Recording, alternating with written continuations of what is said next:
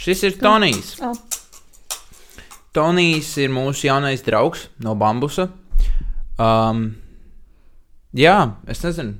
Viņš šodien būs mums. Viņš būs ar mums. Mēs esam jaunās telpās. Uh, mēs esam bambusā. Paldies bambusam par telpām. Un, uh, jā, nezinu, mums ir ļoti forši. Mēs atradām savu draugu.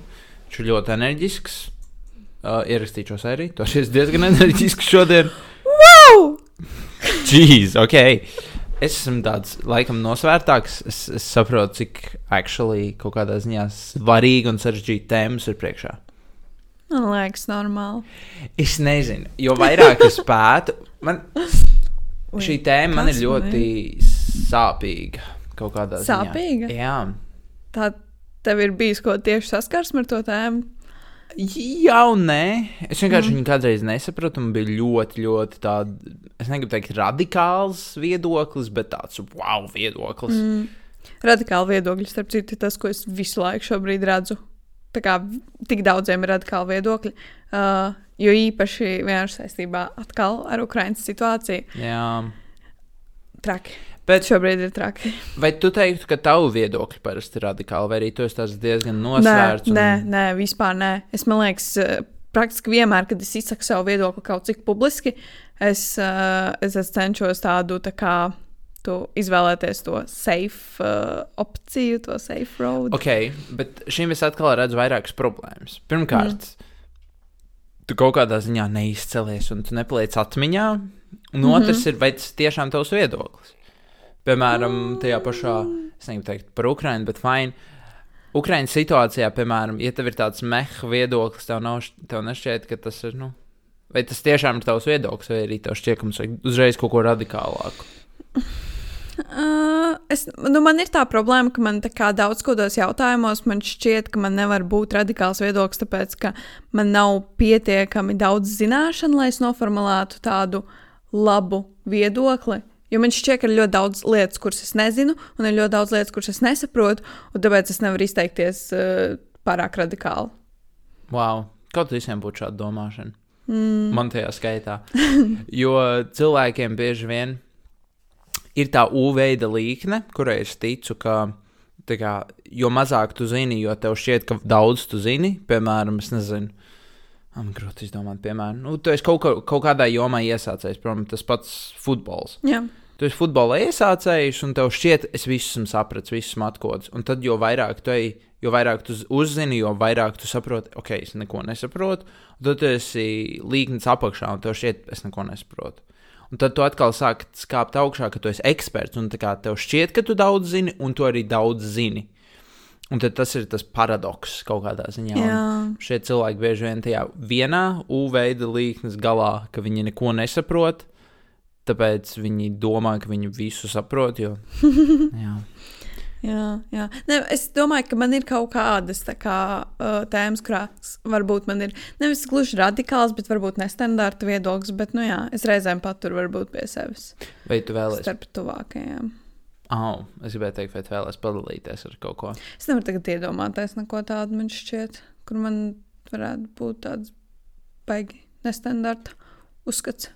Varbūt vienīgais, kas, nu, ja mēs runājam par to Ukraiņas situāciju, es nezinu, vai tas ir nestandarta, bet vienkārši skatoties pēc tā, kas šobrīd notiek, uh, tā kā uh, vienkārši sociālajos tīklos, ir tas, ka ir, nu, tā kā ir tāds ziņas par to, ka ir tie Krievijas uh, karavīri, kuri ir bijuši ļoti uh, agresīvi un, un necilvēcīgi izturējušies pret Ukraiņas civiliedzīvotājiem. uh, Tā ziņā, ka viņi ir spīdzinājuši viņus pirms nogalinājuši ļoti daudz kā, uh, seksuālā vardarbība pret sievietēm un, un nu, šausmīgas, briesmīgas lietas, un principā to jau kā kvalificē kā genocīdu. Un tad uh, daudziem ir tas uzskats, ka vienkārši uh, ka, ka tāda, tāda ir vienkārši krievu tauta. Ka viņi ir tādi agresīvi, ka viņi, ka viņi vienkārši tādi ir. Un es tā kā negribu vienkārši tam piekrist. Nu, man liekas, ka Nē, tas Jā. Ir. Um, tur tā problēma, jo tā ir vienkārši cilvēku ielikšana kastē. jā, Jo, piemēram, tas ir tas pats, ka, nezinu, visi no Latvijas, piemēram, domā vien, vienveidīgi, jo trīs cilvēki, kurus tur saticis no Latvijas, domā līdzīgi. Un tas pats ir ar krievtautības cilvēkiem. Man arī man bērnībā likās, ka oh, viņi tur apspieda mūs un tā. Un, nu, man bija tiešām radikāls viedoklis, un viņi ir slikti un tā. Bet man liekas, tas arī ir kaut kādā ziņā mums iemācīts, ka, nu, vai arī Noteikti. par to bieži vien netiek runāts. Un tikai tagad es tiešām vairāk sāku, jo man bija gan arī tā, ka es dzirdu krievu valodu, es tev redzu kā pretinieku. Man tā nav nekādā veidā tagad, un man ir, es nejūtos forši, ka man tā ir bijis, bet man šeit arī svarīgi par to runāt. Es teiktu, man bērnībā bija līdzīgi kā tev. Nu, Tas ir ļoti interesanti. Man šķiet, jo man liekas, ka bija daudz tādu cilvēku, kuriem kādreiz bija tāds uzskats. Tas laikam ir tāpēc, ka vienkārši mēs esam tik nesen, nu, tā kā salīdzinoši nesen neatkarīga valsts, un jo īpaši tā, ka mēs vēl bijām maziņi, mēs bijām tā kā tikko vienkārši tikuši Eiropā, principā, un, nu, tā kā Eiropas Savienībā. Un tad, eh, un tad vēl kā, viss tas, man liekas, kaut kāds naids bija tik svaigs, ka tas kā, kaut kādā veidā iesāca arī bērniem. Un, tā. un tagad Jā. jau vairāk rodas tā izpratne kaut kāda par lietām, un tad nav tik traki. Tad nav tik radikāli. Tas ir uh, tas tāds interesants paradoks, jā, jo es nezinu, man šķiet, tas arī ir vairāk tie mēdī un tā sabiedrība. Nu, tā neinformētība, ka esmu tajā vienā pusē. Jo man arī, piemēram, par, man likās, ka, piemēram, spēcīgāka valsts ir tā, kas ir lielāka izmērā, gandrīz vai. Mm -hmm. Bet, piemēram, tur ir tik daudz rādītāju, kuriem skatīties. Liekas, kāpēc mēs nevaram iebraukt Lietuvā? Mēs esam geogrāfiski lielāki par viņiem. Un, piemēram, tu nepadomā ne par vēsturi, ne par kultūru, ne par kā, jebko. Kaut kā, ah, mēs abi esam Eiropas Savienībā, ok. Also, kāpēc mēs iebruktu Lietuvā? Nu, tas ir izdarījuši. Nu,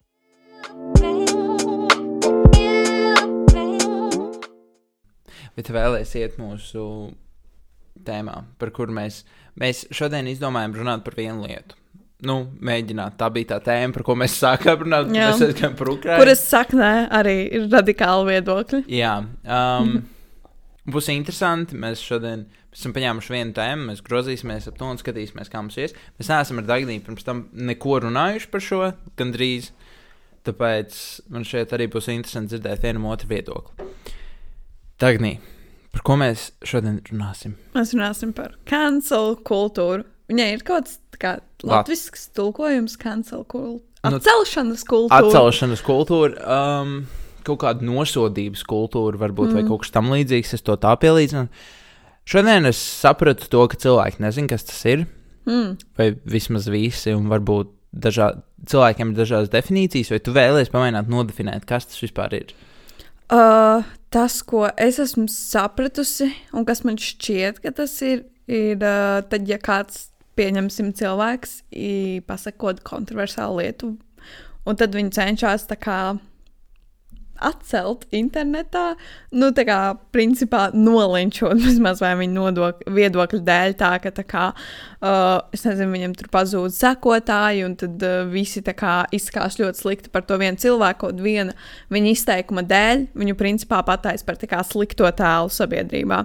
Un, un tā problēma ar to cancel kultūru ir tāda, ka vienkārši tas uh, ilgst parasti ļoti nelielu laiku kaut kāds mēnesis, un tad kā, cilvēki aizmirst par to. Cik interesanti, jo man šķiet, uh, arī tavā definīcijā varēja mazliet redzēt, sākt jau sajust tavu nostāju par to visu. Mm. Es to vēl, es labprāt pieminētu vēl to, ka tam, tam nav jābūt obligāti cilvēkam. Mm -hmm. Tas tā var būt arī Jā, lieta. firma, mm. lieta, nu tā kā jebkas, mm -hmm. piemēram, nezinu, kaut vai brands, kas Jā. izdara kaut ko ne tā, vai arī, um, nu, un, un tam nav jābūt arī kaut kam, kas ir pateikts, bet izdarīts arī. Nu, piemēram, tas pats iebrukums Ukrajinā, vai arī, mm. kad tu kaut kā ne tā izmanto darba spēku, nemaksā nodokļus, izmanto bērnus kā lēto labor un tāds, nu, tās nopietnas problēmas. Un, um, šajā situācijā bieži vien paceļas cancel kultūra. Un man te ir jautājums, vai tu teiktu, ka tu esi par vai pret šo? Esmu noteikti pret. Pret cancel kultūru. Es domāju, ka jā. Ok, interesanti. Un, jā, man nu, tas galvenais iemesls, kāpēc uh, tas ir tā, tā, tas, ka par uh, cancelojot kaut kādu lietu vai cilvēku, uh, parasti cilvēku ātri par to aizmirst, ka viņi ir cancelojuši to. Tas, Okay. tas, man liekas, ir tas iemesls, kāpēc. So man ir dažāds viedoklis par to. Mm. Um, es nevarētu teikt, ka esmu par vai pret, esmu kaut kur pa vidu. Man ir ļoti garlaicīgs mm. viedoklis. Man šķiet, ka ir lietas, par kurām tu vari pēdiņās cancelot, un Jā. ir lietas, par kurām tu nevari. Um, un es gribēju arī tavu viedokli par šo dzirdēt vairāk. Piemēram, cik es saprotu, tavs, tu domā, ka nu, daudz iemesls, kāpēc tu esi pret, ir tas, ka tas ātri tiek aizmirsts.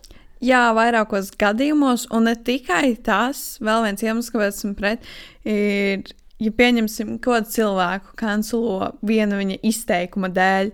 Uh, Tas man šķiet vienkārši ir stulbi. Tāpēc, ka mēs katrs tā kā mācāmies no kļūdām. Un, ja tas, protams, nav, nu, tā kā, jā, visam ir kaut kāds samēra robežas, un, protams, tu vari pateikt kaut ko pilnībā absurdu, kur varbūt kādā gadījumā to cilvēku vajadzētu kancelot. Bet tas, ko es vienkārši pamanu pēdējā laikā, ka cilvēks mēģina kancelot par kaut kādu, varbūt tādu neveiklu uh, izteikšanos vai, vai kaut ko tādu. Mm -hmm. Un tad. Uh, Un tad kā tu vari vispār mācīties no savām kļūdām, kā tu vari augt un kļūt par labāku cilvēku, ja tev pēc kādas uh, vienas lietas jau viss norok. Tā kā, Okay. Kur ir vieta izaugsmē? Um, man ir uh, tev vairāk jautājumu. Es nesaku, ka tas ir mans viedoklis, mm -hmm. bet tas ir kaut kas tāds, kas man interesē tavā. Nu, kā, vai, vai šie jautājumi varētu mainīt tavu viedokli, vai arī tu viņu vari paskaidrot? Mm -hmm. Piemēram, tu saki par to, ka um, tas bieži vien ir uz īsu laiku. Jā, Bet uh, kā tev šķiet, vai tas nozīmē, ka to nevajag darīt vispār? Piemēram, Tonijs izdara kaut kādu baigas likto lietu internetā. Ja? Es nezinu, ko viņš izdara, ne, neieiesim detaļās. Vi- Viņš pasaka kaut ko ne tā, vai izdara kaut ko ne tā, un tas aiziet gaismā. Vai tev šķiet, ka tāpēc, ka tu zini, ka tas būs uz īsu laiku, sekas, vai to nevajag darīt vispār? Tad labāk, lai, piemēram, Tonijs izdara to savu kļūdu, mm, vienalga. nu, man vienkārši. Hmm, man par šo. Uh, Es neuzskatu, ka tā kā nevajadzētu darīt neko, bet tas, kas uh, kancela kultūrai, tas, ar ko es esmu sastapusies, kas ir uh, kā raksturīgi, ir tas, ka visi cilvēki uzreiz tā kā rīktīgi, nezinu, sašūmējās par to vienu lietu, un viņi tā kā visi saka, o jā, tā kā šis ir tik slikti, tā kā, es nezinu, uh, Tonijs vairs nekad nebūs, es nezinu, tur viņi neuzaicinās uz pasākumiem, un viņš vienkārši visi tā kā visi atsakojam viņam un tā, un uh, Un tas man liekas, vienkārši nav veselīgi, ka uz to vienu brīdi ir kā tik, tik liels tas, uh, tas, tas cilvēku uzbrukums, mm -hmm. ir tik milzīgs, un tad pēc tam viņš tā kā visi par to nu, kā aizmirst. Tā kā es uzskatu, ka ir veselīgi, tad, ja tā kā. Piemēram, viņam tur izteiktu kritiku par to, un būtu kāda cilvēka daļa, kura kā saka, ka šis tā nebija ok, un padomā divreiz, ko tu dari, vai kaut kā tā. Bet, uh, bet jā, man laikam nepatīk vienkārši tas, ka ir tik uh, strauji tādi uzbrukumi. Un tas, ka viņi bieži vien vienkārši ir tādi nevajadzīgās vietās. Par ļoti mazām lietām, par kurām kā, cilvēkiem nevajag uz, uzbrukt. Bieži vien lietas tiek paņemtas uh, tā kā vienkārši no konteksta. Pilnībā, ko Izrauts, lietas. jā, Jā, no izrauts no koncepta. konteksta. Um, ok, es tev, es tev totāli piekrītu tam, ka mm -hmm. bieži vien lietas ir radikāli paņemtas, un mm -hmm. tas arī ir tas, ka cilvēki nav pietiekami informēti un cilvēki. Jā. Daudz ko pieņem. Um, par šo es arī vēlētos būt šī vēlāk parunāt, mm. -hmm. bet. Um, Un tad tev ir vēl viens jautājums. Man ir tie, tie jautājumi, man tādi bijuši triki, es jūtu, ka tev ir tāda, uh, bet, mm. bet ir interesanti arī par to padomāt. Um, ja tu saki, ka, piemēram, tas pats Tonijs izdara kaut ko ne tā, Mm -hmm. mm, ko man darīt? Um, kā piemēram, es zinu, ka es nepiekrītu tam, ko viņš pateica vai izdarīja, bet man nevajag viņu cancelot. Pēdiņās, mm -hmm. ka man vajadzētu viņam kaut kā citādāk to pavēstīt. Tu saki, ka labāk ir tiešām visiem rakstīt vienlaicīgi Twitterī, Tonī, tas bija nepareizi, dari citādāk. Un, vai arī mums tas ir kaut kā jāizbalansē, vai arī viņam ir jābūt kaut kādām finansiālām sekām vai kaut kam tam līdzīgam. Tas, protams, atkarīgs no tā, cik liels ir tas kaut kāds pāri darījums. Mm. -hmm. uh, bet, jā, es domāju, ka tam vairāk vajadzētu būt kā tādam tā kā, Uh, tas, ko es teicu, ka jā, padomā, varbūt uh, šitā nevajadzēja darīt, un tā kā vairāk varbūt ar to paskaidrojumu, kāpēc šitā nav labi darīt. Un, un, un tā, nevis tā, ka tev vienkārši Mm -hmm. pasaka, ka nedara tā, un tu esi slikts cilvēks. okay, tā tad tas ir vairāk ar pamācību nekā ar pārmetumu. Jā, jā, laikam. Bet es, ne, es īstenībā nezinu. Varbūt man vispār par šīs epizodes mainīsies viedoklis, tāpēc ka es šobrīd domāju par lietām, un uh, ir laikam lietas, kur tā kā nav īsti nepacietības, ne tā kā, nu, es nezinu. Jā, vienkārši nav pacietības kaut kādas lietas pamācīt, un vienkārši šķiet, ka ir kaut kādas lietas, pēc kurām gribas pateikt cilvēkam, ka tu esi tā kā, ka tu, ka tu nesaproti, un ka tu esi tā kā. Es, es laikam vēlētos vienu daļu no sava viedokļa pateikt tagad, kas kaini sasaistās ar šo. Um, man šķiet, ka viens moments, kad uh, cancelot pēdiņās cilvēku ir nepareizi, jo visbiežāk tas parādās ar slavenībām, bet tas nav tikai. Esmu dzirdējis stāstus, kur sieviete brauc, piemēram, uz Āfriku, un viņa pasaka kaut kādu komentāru tur par, es negribu izteikties neko, Jā. bet nu, arī par to visu, par dažādu slimību iegūšanu un tā. Un viņi principā uzreiz zaudē darbu. Viņu jau tā kā viņi iekāpa lidmašīnā, pirms tam viņi uzraksta to ziņu, un kā viņu sagaida tur. Un viņai jau ir teikts, kā tur nē, nu viss tur mm -hmm. tu netiec pieņemt, tu dar, no darba viņa atlaiž un tā. Um, labi, šā, nu, par jokiem tas ir vēl viens jautājums, ko es tev gribēju pajautāt, bet otrs ir piemēram par um, cilvēku zināšanām. Mēs pirms tam minējām par to, ka tagad es biju bērns, es nezināju par Krieviju un par visu to.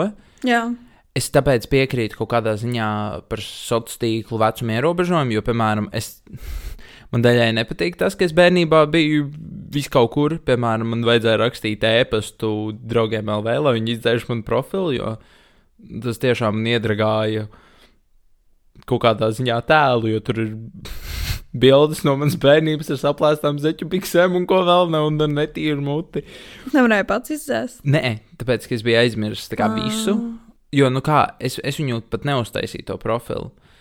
Vienīgais, ko es viņu izmantoju, ir, ka man bija autologins, ka es mm. automātiski ielogojos un spēlēju kaut kādu okeānu un fermu mm. tur. Tev vecāku uztaisīja profilu? Nē, man Ah. māsa vai brālēns uztaisīja, un tad viņi arī lika visas tās bildes iekšā. Mm. Jo man uztaisīja profilu mana mamma, un man, man šķiet, bija kaut trīs gadi, kad man tika uztaisīts draugiem. LV profils. Es tad viņu īsti neizmantoju vēl, bet man liekas, ka šis arī ir ļoti interesanti. Kā nevajag bērniem taisīt Jā. profilus. Vienkārši nē, tas nav vajadzīgs. Lai cik labi tas sagatavotu cilvēku dzīve, nu, dzīvei, jo sociālā tīkla ir liela daļa no dzīves, ir svarīgi filtrēt.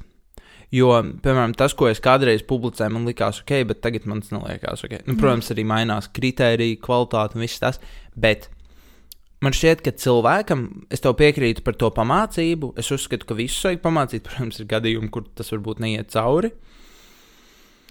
Kur varbūt tiešām vajag pārmetumu, lai cilvēks saprotu, ok, kāpēc tas nav ok. Mm.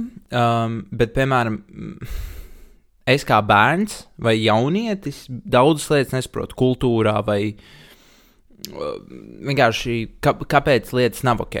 Un es, piemēram, esmu uzaugusi vidē, kur ģimenes lokā cilvēki izsakās nepārāk labi par kaut ko. Vienalga, kas tas ir. Es to redzu regulāri, vis kaut kur. Un, piemēram, es atnāku uz skolu, vai es atnāku, nezinu, ieju Twitterī. Un man šķiet, oh, tas stilīgi, es to varu uzrakstīt. Tajā brīdī tas nav, vien, ir vienalga, kur šo informāciju esmu dzirdējis, tas nāk no manis ārā. Un, piemēram, ja šī informācija nav ok, ja viņa ir rasistiska, seksistiska, vienalga kāda, man ir jāsaņem atbildība par to, bet, piemēram, ja es, ne, ja es nezinu labāk, ja esmu maziņš, piemēram, vai neizglītots par to, man šeit ir svarīgi, tā kā, ok, viņš to nezināja, bet ir svarīgi paskaidrot, kāpēc cilvēki par šo cepjās.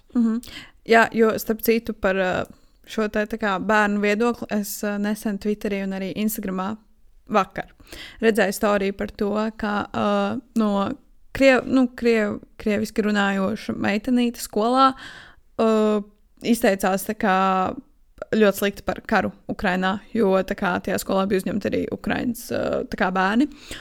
Un, un, un, jā, un viņi ieraudzīja tos Ukraiņas bērnus. Viņa, es neatceros tieši, ko viņa pateica, bet viņa ļoti slikti par to visu izteicās.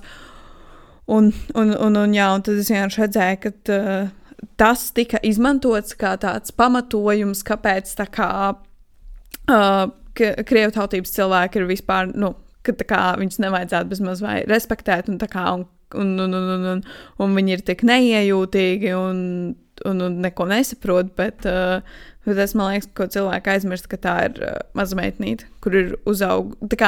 Es varu saprast, varbūt to argumentu par to, ka tā kā uh, ka kriev, uh, krievtautības cilvēki ir kā viņi tiek uzskatīti par neiejūtīgiem un nesaprotošiem, jo tā meitnīca nāk no ģimenes, kur viņai tas tiek stāstīts. Jā. Bet, bet, jā, bet man liekas, ka tas, tas kas vienkārši ir. Arī jāsaprot, ka piemēram, tas ir mazs bērns, kurš vienkārši nāk no tās vidas, un vismaz tajā skolā, ja kaut, kaut ko tādu redz, ka tas notiek, tā kā tam bērnam var pamācīt, dot kaut kādu informāciju, kā tas ir citādāk. Un, uh, Tā es, es piekrītu, jo bērns neuzauga, piemēram, rasistisks. Bērns Jā. jau neuzauga ar kaut kādām, ne, viņš tieši uzauga, viņš nepiedzimst ar šīm lietām.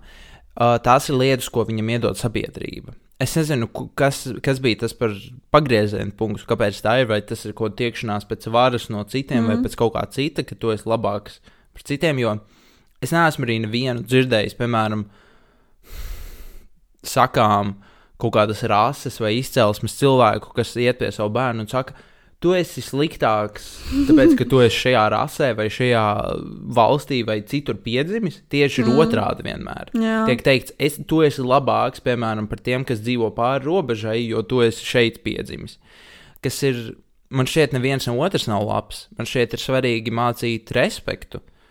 Jā. Man bija uh, kaut kādā ziņā privilēģija skolā mācīties pir no 1 līdz 6 klasē ar uh, citas, teiksim, izcelsmes meiteni. Tā bija vērtīga pieredze man, jo es sapratu, mēs visi esam vienādi. Jo Latvijā par to nerunā daudz. Jā, un, noteikti. Par rasu atšķirību Latvijā vispār tas, nerunā. Tas nav, un uh, man šķiet, man tā bija vērtīga pieredze. Uh, Vienkārši, lai saprastu, hei, mēs esam vienādi. Nu, kā, mēs, ādam, mēs ādam vienādi, mēs uzvedamies vienādi. Tu neesi nekādā veidā atšķirīgs. Tu arī esi tas pats cilvēks. Man pret mm. tevi nav jāizturas citādāk šo iemeslu dēļ. Un um, tas ir svarīgi.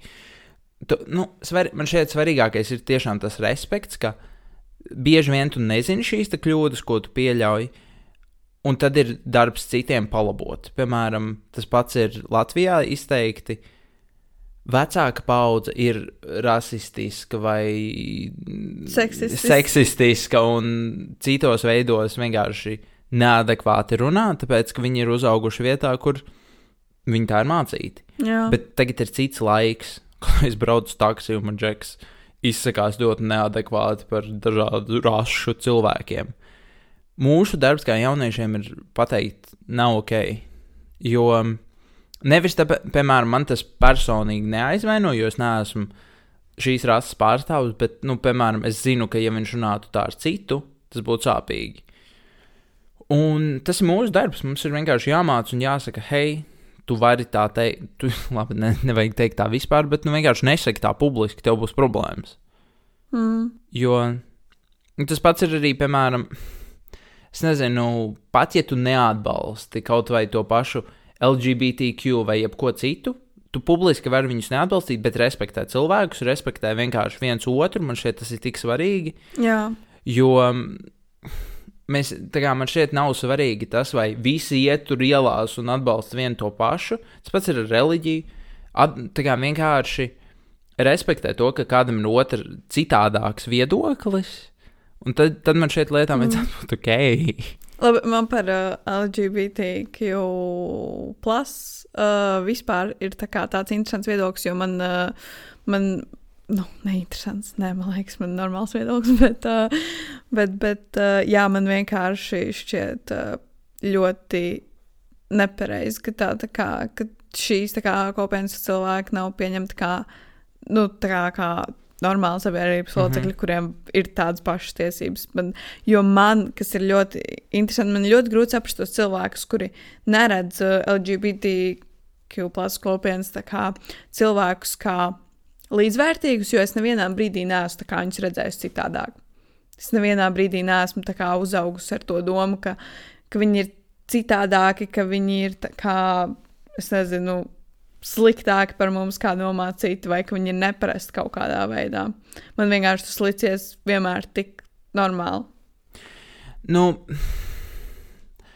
labi, man ir, esmu ļoti sarežģītā punktā, jo es esmu mm. gan kristietis, bet es arī. Nu, es varu paskaidrot kaut kādā ziņā par kristietības skatu punktu šo visu. Jo mm -hmm. kristietība arī ir ļoti sarežģīta. Viņai ir visi domā, ka kā, mēs visi esam vienādi. Tā nav. Kristietība iedalās ļoti dažādi. Un, piemēram, ir tie cilvēki, sorry, bet ir tie cilvēki, kas iet pie origo vai uz ielām un nāk klāt un tev stāsta un tās lietas un māca. Viņi kaut kādā ziņā ir tie, kas uh, sabojā to tēlu, jo viņi saka kaut kādam parastam cilvēkam, ja tu tagad man neklausīsi, tu nonāksi ellē un tā. Mums tas nav mācīts. Ja man kāds var parādīt vietu, kur mums ir teikts, ej pie origo un stāsti šīs lietas, es būtu ļoti pārsteigts. Jo Um, mēs esam aicināti par šīm lietām runāt, bet ne caur naidu, ne caur nosodību, un man šķiet, mums ir svarīgi pieņemt vienam otru. Un tas, kas notiek bieži vien caur kristietību, ir tieši nepieņemšana.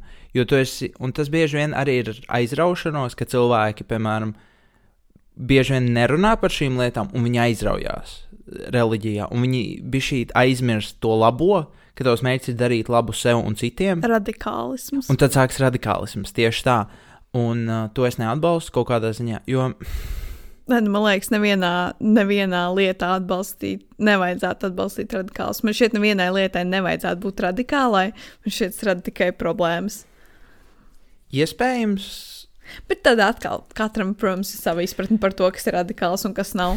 Citi pateiks, ka es nezinu, atbalstīt LGBTQ plus kopienas cilvēks ir radikāli. Tam nevajadzētu būt. Jā, Nē, es vienkārši tas, ko es vēlos kaut kādā ziņā lobēt, ir respekts. Mm. Jā. Mēs visi respektējam viens otru par izvēlēm, un nav svarīgi, nu, piemēram, jo bieži vien tagad kristietības uh, kopienas saņem ļoti daudz heitu, jo cilvēki pieņem, ka mēs būsim tie, kas ies un dedzinās tos cilvēkus. Nē, nopietni ir bieži vien tā, ka tas kaut kādā ziņā tur rokas pulsa, bet man ir bieži vien kauns teikt, ka esmu kristietis, tāpēc ka cilvēks uzreiz pieņem, ah, tu, tu ienīsti tur visus tos un šitos un šitos. Mm.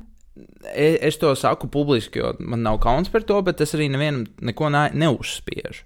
Es pats mācos savā, eju savu ceļu, un es nevienam negribu neko ne kritizēt, ne uzspiest. Un tā ir problēma. Bieži vien tas tiek aizmirsts, ka nu, mēs visi neesam vienā, nezinu, kaut kādā bedrē liekami. jā, jā, noteikti. Nu, labi, tas ir tāds bijis šī trends no manis par manu sāpīgu tēmu. Bet kaut kādā ziņā tas ir svarīgi. Es, es uzskatu, ka tur arī jābūt tam savstarpējam respektam, ka Jā. E, viena grupa respektē otru. Jūs varat būt kaut kādā ziņā, tu vari pats neizvēlēties šādu dzīvi, un tu vari, nezinu, kaut vai iekšēji pārmest. Es nezinu, tas arī nav labi, tas nav veselīgi, bet tev nevajag iet pie sveša cilvēka un kritizēt viņu, jo tu nezini tā cilvēka dzīves mm. stāstu, tu nezini, tu nezini neko. Tieši tā. Šī ir tā, kā, šī ir tā, kā, tā doma, ar kuru es uh, bieži vien dzīvoju, kā es cenšos respektēt cilvēkus, ar kuriem man pilnībā neskrīt viedoklis. Kādā jomā ir tas, ka es vienkārši saprotu to, ka es, uh, es saprotu to, ka es nevarēšu viņus vienkārši saprast. Jā. Es saprotu to, ka mums ir atšķirīgas vērtības, mēs atšķirīgi skatāmies uz uh, pasauli, mums ir kaut kāds atšķirīgs morāls, un, un man liekas, vienkārši reizēm ir jāpieņem tas, ka tu nevarēsi saprast otru cilvēku. Tas ir ok, jo mēs vienkārši esam tik dažādi un mēs uzaugam tik dažādās vidēs. Bet atkal mm. respekts šajā situācijā, jo saprast to dažādību ir mm. svarīgi, bet also respektēt to otru ir svarīgi. Jo tu arī mācies no tā, ja Jā. tu dzirdi citu viedokli, tev var būt tāds, es tam nepiekrītu, bet es to respektēju. Jo es redzu, ka tev tas ir svarīgi un tu nedari sliktu citam. Mm. Tad tas ir galvenais, jo, ja es dzirdu, ka kāds grib kaut ko sliktu, tad man tas nepatīk. Man liekas, ka jā, ar to respektu ir tā, ka uh, man, piemēram, visvieglāk ir respektēt cilvēkus, kuri man pasniedz to savu viedokli, kas varbūt ir pilnīgi pretējs manējam. Bet, ja viņi var, var man iedot normālus argumentus, kāpēc viņi tā domā, tad.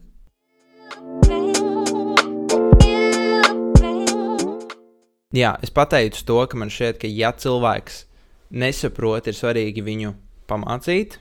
Tā kā nevajag atcelt cilvēku par lietām, kuras viņš nezināja. Jā, nu. Jo īpaši šeit es uh, vēlēt, vēlētos vēl pieminēt to, ka, uh, ja ir kaut kāda personība, pieņemsim, kas ir uh, arī sabiedrībā pazīstama personība, un tad tiek izvilkts kaut kas, pieņemsim, no, viņas, no viņa bērnības vai jaunības gadiem kaut kāda kontroversāla lieta, tā kā nevar cilvēku par to vienkārši atcelt, jo nu, viņš kā cilvēks jau mācās cauri mūžam. Un šī ir otra lieta. Tieši mm. es gribēju iet par vēsturi. Tu, ne, tu nevari cilvēku atcelt, neskatoties uz kontekstu.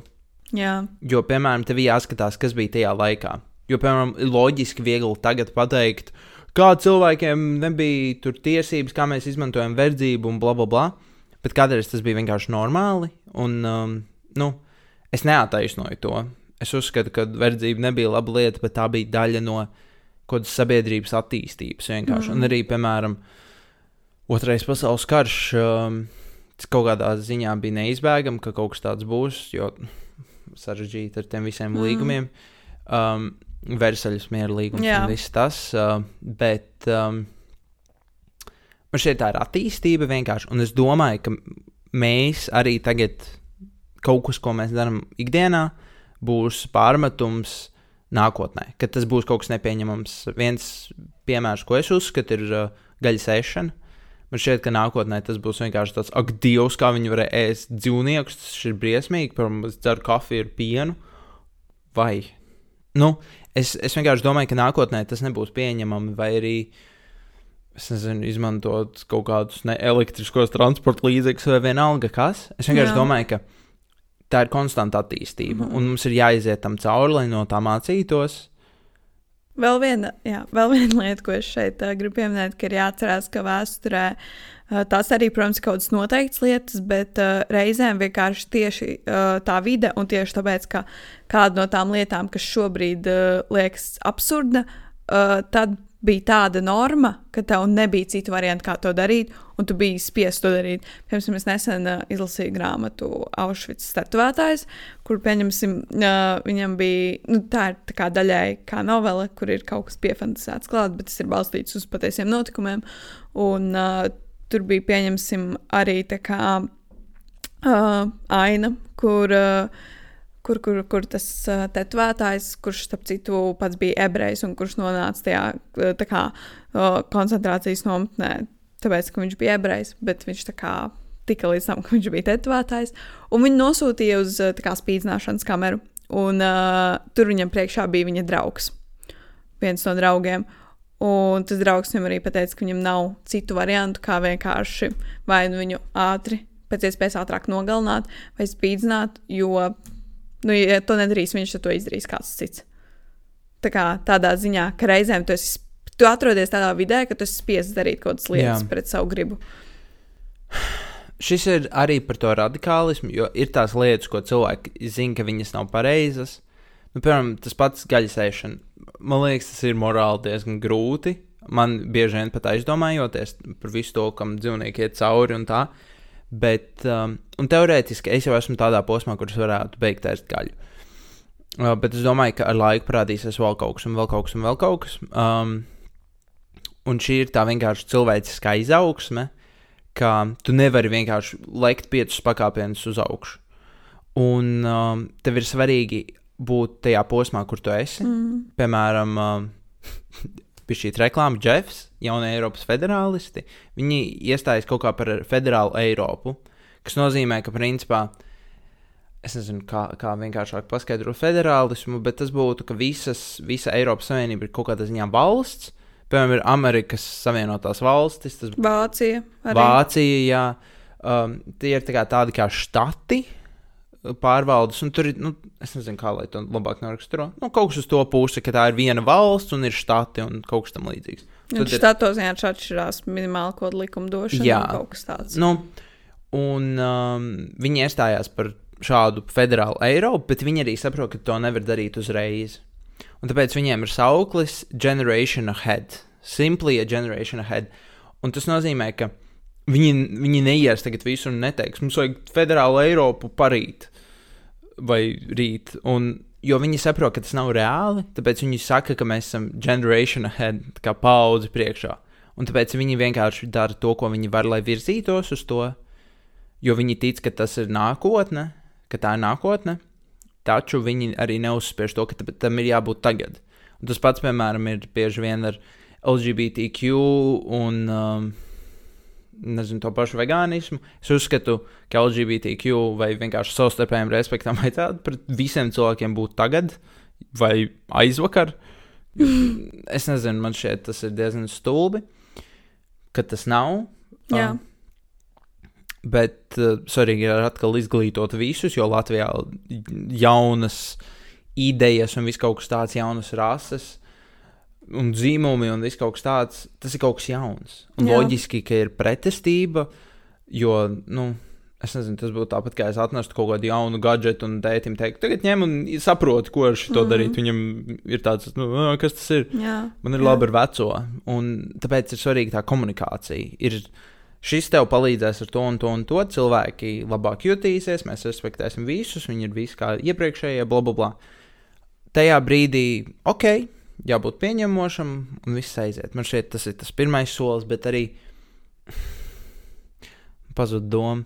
Bet jā, Bet, šķiet, jā, paturpinot par šo, es ti- tieši es arī kaut kādā nesen lasīju par to, to pašu LGBTQ tiesībām Latvijā, ka vienkārši mums tiešām ir jāpagaida, kamēr nomainīsies dažas paudzes. Un nu, tā, diemžēl, vienkārši ir tā realitāte. jā. Jo, jo tās ir paudzes, kuras ir dzīvojušas citos laikos, un kad nodzīvo tik ilgu laiku ar pretējiem uzskatiem, ir grūti viņus vienkārši tā izmainīt, jo sabrūk, ko tādā ziņā viss tā patiesība. Un vēl arī par gaļas ēšanu ir kā jāatcerās tā lieta, ka mūsu ēdienkarte tik ilgi ir sastādīta ap gaļu, ka ir jāiegulda reāli. Nu, tā kā ir jāieguldās, lai tu varētu sev pats uztaisīt ēdienkarti, kas ir kā balstīta uz augu valsts produktiem, bet kur tu kā saņem vi- visas kā vielas, kas tev vajadzīgas, piln, lai tev būtu tas uzturs pilnvērtīgs. Jā. Tas ir vienkārši cilvēcei svarīgi atcerēties šīs lietas par to attīstību, ka, nu, man ir ideja, bet man, ne, nu, man ir jāsaprot, kurām brīdim viņi ir atbilstoši. Jo es, loģiski mēs visi gribam globālu mieru, ka neviena valsts nevienu nekaro, ka mums nav kaut kāda diktatūra, ka demokrātija ir visur. Tas ir mans sapnis. Es uzreiz domāju, ok, kā mēs Āfrikā varam dabūt vairāk to demokrātiju. Bet nu, tas nav tik vienkārši, diemžēl. Kas, jā, vispār arī ir neatrisināts jautājums. Tieši tā. Nu, es nezinu, vai to var tagad uzreiz tā vienkārši. Tas ir arī tā, tajā pašā kā centrālajā uh, Āfrikas republikā. Man liekas, tā viņa sauc. Centrālā Afrika man šeit, jā, Centrālā Afrika. Republika. Jā, uh, viņā ir. Um, tā ir valsts ar ļoti daudz derīgiem izrakteņiem. Tāpēc tur veidot diktatūru ir diezgan vienkārši, jo principā tā ienākuma nenāk no tautas, bet no kā ārēji resursi. Tāpēc pret tautu var izturēties kā tu gribi. Un, piemēram, ja tu gāzi šo varu, tad uzreiz ir grūtāk nu, uzturēt to kā Jā. demokrātiski. Tāpēc vienkārši es nezinu, kas ir labākais risinājums. Droši vien pāriet visur uz zaļo enerģiju. Mm. Tad vienkārši derīgie izrakteņi zaudēs kaut kādā ziņā savu vērtību. Un tajā brīdī tiešām lielāka vērtība būs demokrātijai. Jo tad mm. tu tiešām domās par savām vērtībām, savu visu to. Bet tas arī to nevar vienā dienā atrisināt, diemžēl. Vien- Vienmēr jau gribās, bet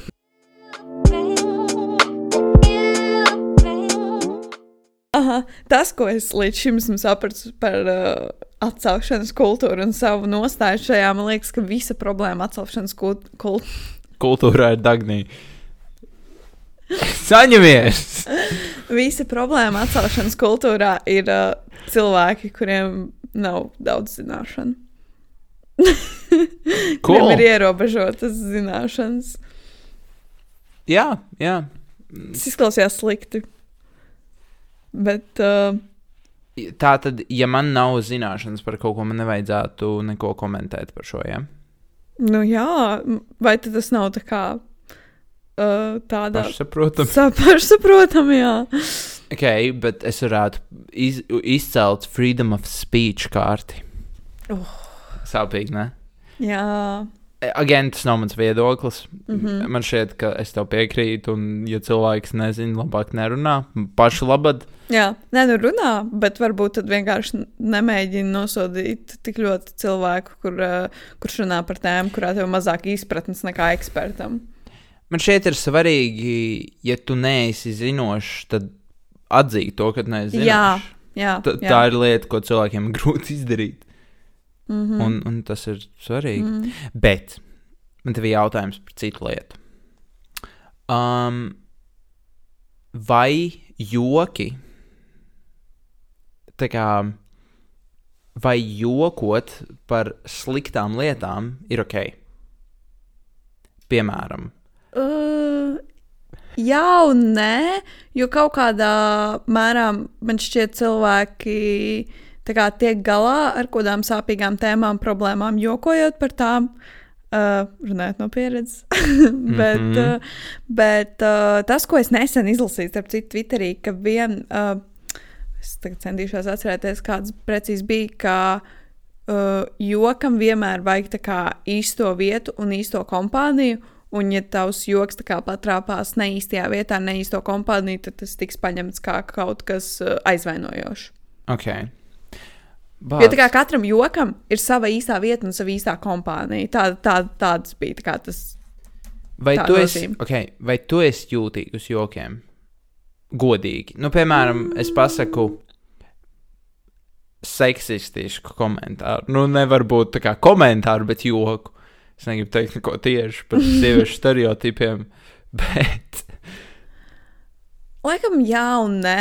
Man liekas, ka visi cilvēki ir jūtīgi pret jokiem, kas kaut kādā mērā viņus aizskar personīgi, kas ir viņu sāpīgā lieta. Piemēram, ja tu pajoko par uh, lietu, par kuru cilvēks kā, kas ir viņa self-conscious. Nu, nepārliecināts. insecurity, es Jā, jā. es aizmirsu latviešu. Bet, uh, jā, ja tu pajokos par to, pieņemsim, uh, es nezinu, man šķiet, ka man ir tā kā neglīta kreisā roka, un tu pajokos par manu neglīto kreiso roku. tā kā Ir iespē, iespējams, paņemšu to rīktīgi personīgi, vai ne? Jo tā, kā, tā ir vienkārši man sāpīga tēma. Ok, bet vēl viens jautājums. Vai tev nešķiet, ka tas ir pašā cilvēkā iekšā? Kaut kādā ziņā. Protams, protams, jā. Jo man šķiet, piemēram, um, esmu ļoti sansensīgs. Man ļoti vienmēr patīk būt labākajam, uzvarēt, un, ja es daru, tad es daru simts. Un, piemēram, tas pats ar slēpošanu. Es slēpošanā ielecu salīdzinoši vecā vecumā, teiksim, un es, piemēram, braucu slēpot ar cilvēkiem, kas to dara praktiski jau no bērnības.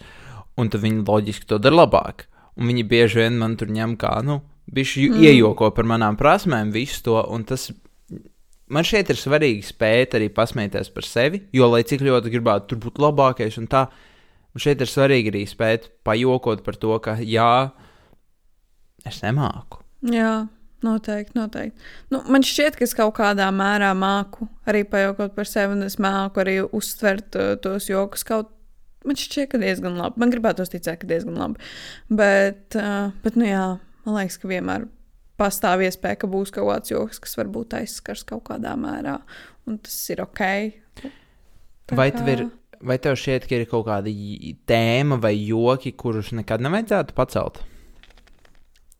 Um, man šķiet, ka. Uh, man šķiet, ka jokot var par visu. Mm -hmm. Bet, uh, kā jau es teicu, visam ir savs laiks un vieta.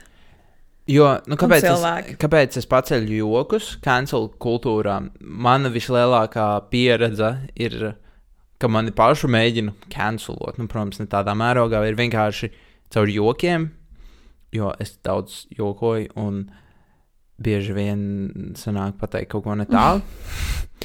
jo, nu, jā. Piemēram, man ir lieta, par ko es jūtos ļoti brīvi runāt, tā ir nāve.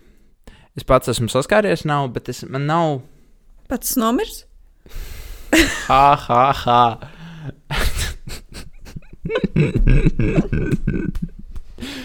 Lepojies ar šito, jā? Galvenais pats priecīgi. Nu, labi, tas galvenais.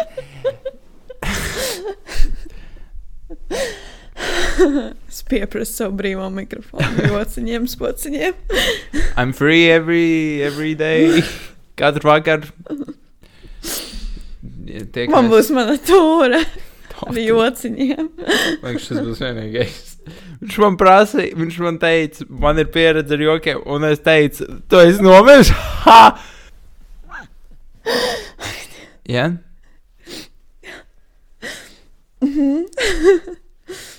Ļoti labi.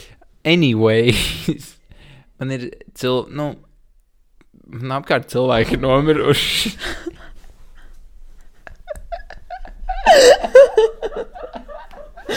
Vaitnams visiem. Un,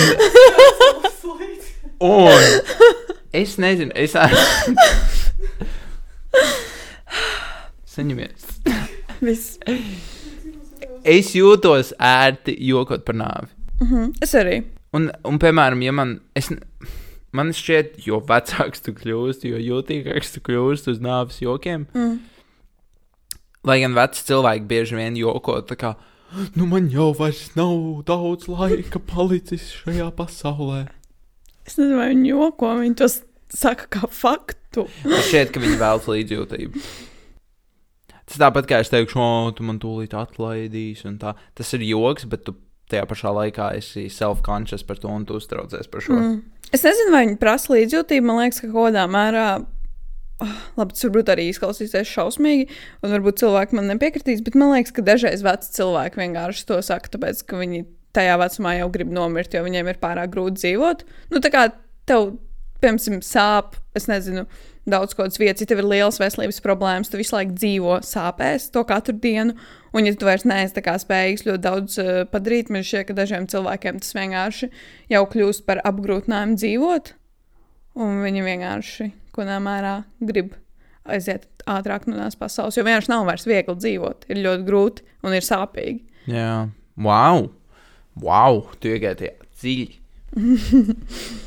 Anyways, man šķiet, jokot par nāvi, lai cik ļoti, piemēram, mēs saskaramies ar to, varbūt jokot par nāvi nevajag tad, kad kādam nesen kāds ir nomiris. Mm.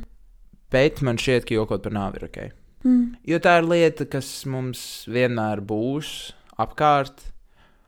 Un tas ir arī dabiski. Es, es, piemēram, neba... es negribu teikt, ka es baidos vai nebaidos no savas nāves, bet es negribu īsti teikt, ka, nu, ka tā būs milzīga traģēdija. Mm. Nu, es nomiršu, viss over. Jā, nu, man liekas, ka tā kā. Uh, man liekas, interesanti baidīties pašam no savas nāves, jo ja tajā brīdī, kad pats nomirsti, tu jau tā kā tu, nu, tu nomirsti. Tu pats neizjūti tās sakas tam, tu izjūti kā apkārtējie cilvēki. Tāpēc, uh, tāpēc jā, pašam par to baidīties, es nezinu. Un vai ir vispār jēga no tā baidīties, no tā, ka tu vari baigi to ietekmēt. Protams, tu vari maksimāli izvairīties no kaut kādām lietām, bet nu, ir tik daudz lietas, no kurām var kā nomirt no kaut kādos negadījumos, un tā ka vienkārši. Kas, kas nezinu, kā no tā var baidīties, var saprast, ka cilvēki grib uh, dzīvot pēc iespējas ilgāk, jo grib tā kā pieredzēt dzīvi. Tas ir kaut kas vienkārši interesants. Un, protams, man, man šķiet, ka ir forši, ka tu vari pieaugt un tu vari skatīties, kā mainās viss tev apkārt un kā mainies tu pats. Bet, nu, ja, ja, ja notiek nāve, ja, ja nomirsti, tad, tad nu, ak, ko? Principā, ak, ko? Jā, jo man. Es laikam saprotu par to kompāniju, jo, piemēram, ar veciem cilvēkiem, ja tu joko par nav, viņiem tas daudz sensitīvāk. Mm. Jo, piemēram, ja tu kā jaunietis, piemēram, oh, man nākamgad paliek tur 20, ja aizvelk vēl tik tālu. Viss tā, ah, Mhm. smieklīgi. Bet, ja tu to pasaki vecam cilvēkam, visiem tāds, tas nav smieklīgi, jo viņš tiešām var neizvilkt līdz to nākamajam. tā ir. Nu, sorry, bet um, tas ir traki. Un varbūt tas arī nozīmē to, ka nevajag jokot par tādām lietām ar cilvēkiem, kas ir tam tuvāk. Nu, piemēram, tas pats, Mhm. nezinu, tagad jāizdomā cilvēkiem tur par. Ai, man nenāk nekas Mm. prātā.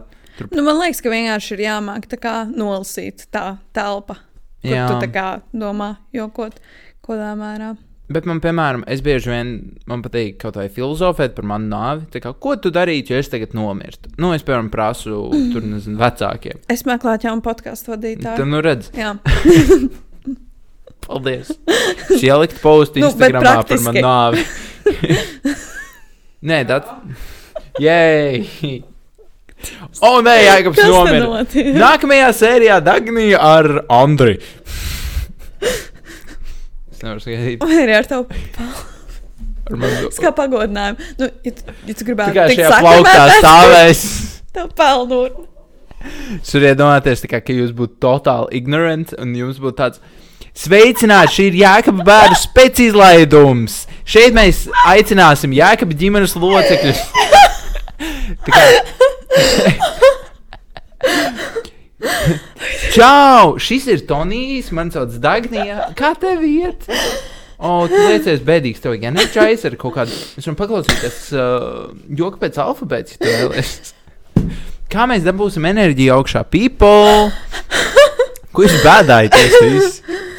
Ak, Dievs! Varu iedomāties, tas būtu. Es tādu podkāstu klausīju. Nē, es nevarētu.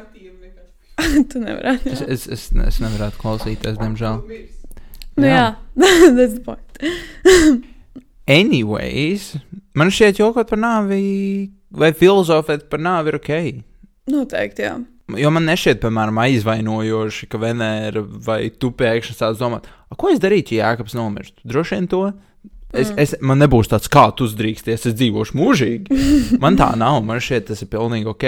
Arī citiem ir tāds, no, nu, jā, man jādomā par, it īpaši, ja, piemēram, tas ir tuvs cilvēks, tev ģimenes loceklis vai draugs vai otra mm. pusīte, ir svarīgi domāt, ah, ok, piemēram, tikko nomira, man jādomā arī par sevi, par savu izdzīvošanu. Jā, jā, jo man patiesībā man salīdzinoši nesen bija tā, ka es zaudēju arī tuvu ģimenes locekli. un Ļoti pēkšņi tas tā nebija tā, ka tur uh, ka bija. Es nu, zinu, kā, kā piemēram, veciem cilvēkiem tu sagaidi, ka pēc, nu, kad viņam vairs laiks, uh, tas mūžs nav tik ilgs, bet, uh, bet jā, tas notika tā salīdzinoši pēkšņi. Un, uh, Un, un no sākuma, kā, protams, pirmā diena bija vienkārši briesmīgi, šausmīgi grūti, bet uh, man liekas, ka man kaut kādā mērā kā daudz uh, vairāk palīdzēja atkopties tas, ka es vienkārši, kas, kas biju jau kaut kādā mērā, man liekas, uh, domājis par to, kas notiktu, ja tā būtu. Kā, mm -hmm. kā es tā kā tālāk dzīvotu, kā mainītos manā ikdienā. Man liekas, ka tas man vienkārši kaut kā atviegloja to visu procesu. Plus tas, ka man vienkārši arī tajā brīdī man, uh, man bija kā tik daudz lietas, kā kaut kāda pasākuma, un tāpat universitāte, un tās bija tā semestra beigas, un man īsti nebija variantu. Tā kā man uh, vajadzēja darīt tās lietas. Un tas, man liekas, man arī rīktīgi palīdzēja vienkārši ātrāk tikt pāri lietām. Tas, ka tu neaizmirsti par sevi un tu turpini to darīt. Un tu vienkārši, jo tu, tu saproti, ka tā kā ikdiena jau iet uz priekšu, nemainīgi no tā, vai tas cilvēks ir vai nav tavā dzīvē. Jā. Nu, tā kā tai dzīvē ir jāturpinās, jebkurā gadījumā. Um, tas ir varbūt man ir līdzīgs, bet varbūt es negribu teikt radikāls, bet radikālāks viedoklis. Man, mm. man arī relatīvi nesen nomira ģimenes loceklis, un es pat saņēmu daļēji pārmetumu par to, ka man bija tāds. Nu, mm. es, es nezinu, um, protams, ir jāizsaka līdzjūtība un ir jābūt emocionālam, bet, piemēram, man šeit ir slikti pārmest citam par to, ka viņš tiek galā ar nāvi citādāk, jo es, protams, neizrādu emocijas. Protams, protams. āru. Bet man arī šķiet, sorry, es tev pārtraucu. Nē, vienkārši. Man šķiet, ka es, piemēram, ja es nomirstu, es negribētu, ka jūs te sēžat un nevarat ierakstīt podkāstu, un tā kā kontrasts vienkārši apstājās manis dēļ, manas nāves dēļ. Um, labāk ir, es tiešām būtu priecīgs, ka jūs, piemēram, saprastu, hei, viņš bija jauns un viņš pēkšņi nomira, vai arī whatever happened, es nezinu. Bet ka jūs to vairāk redzat kā tādu, kā, hei, man nav arī viss, viss mūžs, es jebkurā brīdī varu aiziet, un tad tu iedvesmojies un izmanto to laiku. Es gribētu, mm. lai varbūt tuvāki cilvēki man aiznes ik pa brīdim kaut puķīt, vai svecīt, vai kafiju uz kāpiem. Bet um, ir svarīgi arī, nu, man, es, es negribētu, ka man tuvie sēž un visu laiku pārdzīvo. Es tiešām tad gribu, lai viņi redz to kā kaut kādu spērienu, ka, hei, viņam šī tā notika, man ir jāiet un jācīnās. Ir svarīgi iz, izteikt līdzjūtību, bet tu nevari mainīt neko. Jā, jā, tieši tā. Jo, um, pazaudēju domu. Nē, nē, Mm. tu nesteidzies. Es varbūt drīz nomiršu, bet padomā. Man sekundes ir skaitītas. Es nezinu, kad, kad es. Um, par emociju izrādīšanu. tu nomiršu šausmas. Jā, par emociju. Kāpēc man liekas, ka visa šī telpa tā kā uzreiz palika tumšāka pēc šīs tēmas? Tā kā Actually, tā- vibe mainījās. Jā, bet man liekas, tas arī ir ārā šausmīgs Ah. lietas un tāds drūms laiks. Pirms tam bija skaidrs debesis. Jā, Zini, kā dieviņš pielāgojās. Jā. Jēzus arī? Bet jā, par, par, par, par emociju izrādīšanu. Man liekas, cilvēki bieži aizmirst, ka kā, ir cilvēki, kuri vienkārši saskaroties ar kaut kādu tuvinieku zaudējumu, ir šoka stāvoklī. Mm. Viņi vienkārši nesaprot, kas notiek. Tā kā cilvēks šoka stāvoklī nu, vienmēr būs spējīgs nezinu, paraudāt. Un cilvēkiem nu, vispār, nezinu, viņiem taču nav jāraud katrs reāli. uh, Tiek galā ar savām emocijām, ko citādāk. Tāpēc man liekas, uh, vienkārši briesmīgi kā, nosodīt cilvēku par to, ka viņi tur nejūt pietiekami vai kaut kā tā. Um, šis pacēlās arī iepriekš. Mēs uh, daļai par šo runājām, un es gribēju tev arī nu, to kaut kādā ziņā pieminēt, bet arī par šo pašu. Kā lai es to noformulēju? Nu, jā, katrs ir citādāks. Un mēs, piemēram, es domāju, notiek kaut kāds negadījums, mēs katrs reaģēsim citādāk. Es uzreiz meklēšu risinājumu, piemēram, tu uzreiz to būs bijis šī tāds, nē, nē, nē, tu, pi- piemēram, pamierinās citu. Mm. Es nezinu, vienalga. Jā, Um, arī ģimenē man tas ir ļoti izteikti. Manā māte ir ļoti emocionāla. Viņa arī sagaida no citiem tās emocijas. Atkal nesen ģimenē notika kaut kāds incidents. Viss ir, es nezinu, kādā stāvoklī tur viss ir, bet nu, viņi ļoti pārdzīvoja. Viņi gandrīz vai pie manis nāca un teica, pārdzīvo ar mani. un tāds, nē, nu, es, es pārdzīvoju, bet man tas ir citādāk. Mm. Es, es uzskatu, ka nu, tu nedrīkst sabojāt savu dienu. Protams, ir arī vienkārši emocijas, kurām nevar tikt pāri. Tās var būt, tā var būt nāve, tas var būt kaut kas cits. Bet tad ir svarīgi to apzināties un, un tiešām paņemt to laiku sev. Iziet pastaigā, padomāt, parakstīt, meditēt, paklausīties mm. mierīgu mūziku, vienalga. Um, komunikācija ar sevi. Tā ir. Mm. Ka tu neapspied emocijas, bet tu arī neuzspied emocijas. Un vēl viena lieta par to cancel kultūru, atgriežoties. Mēģināšu drusku atgriezties atpakaļ. Um, man bija kādreiz diezgan radikāls viedoklis, um, no kuras esmu izaudzis, un arī par to es diezgan lepojos, ka es uzskatīju, ka mm, ir sasnieguma kritērija. Viņi ir man. Nu, es, es redzu, piemēram, kas ir cilvēks, kam ir izdevusies dzīve, kam nav izdevusies, bla, bla, bla. Un es uzskatīju, ka tas, kas ir man, tam, tas ir visiem. Nu, es nebiju aizdomājies, ka kādam citam var būt, piemēram, jo man nav tas, ka tev ir jābūt konkrētai naudai kontā un tā. Vienkārši, ka tu esi, piemēram, atpazīstams, ka tu dari daudz un tā. Un, piemēram, cilvēki, kas nedarīja daudz, man liekas, "Poh, ko šis vispār, nu, tā kā, šis iztērēja tur savas stundas un tā, un, bet es nesen uh, saskāros savu klases biedreni, kurā, piemēram, viņa ir jauna arī, un es nezinu viņas ģimenes situāciju, bet viņa paņēma aprūpē laikam divas mazas meitenes, arī pirmā klasa apmēram. Un man likās, ka bērns ir ļoti liels komitments, un kaut kādā ziņā tas nav garantēti, bet bērns ļoti ierobežo tevi, mm. tavu laiku, tavas iespējas, finanses, visu kaut ko. Tāpēc es jūtos tāds, wow, nu, tā kā tas ir diezgan. Es negribu, nu, sākumā es biju diezgan tāds kritisks, ka, kā, ko dara un tā, bet tad es sapratu, hei, viņai varbūt nav mērķis tur kļūt par kaut kādas biznesa vadītāju.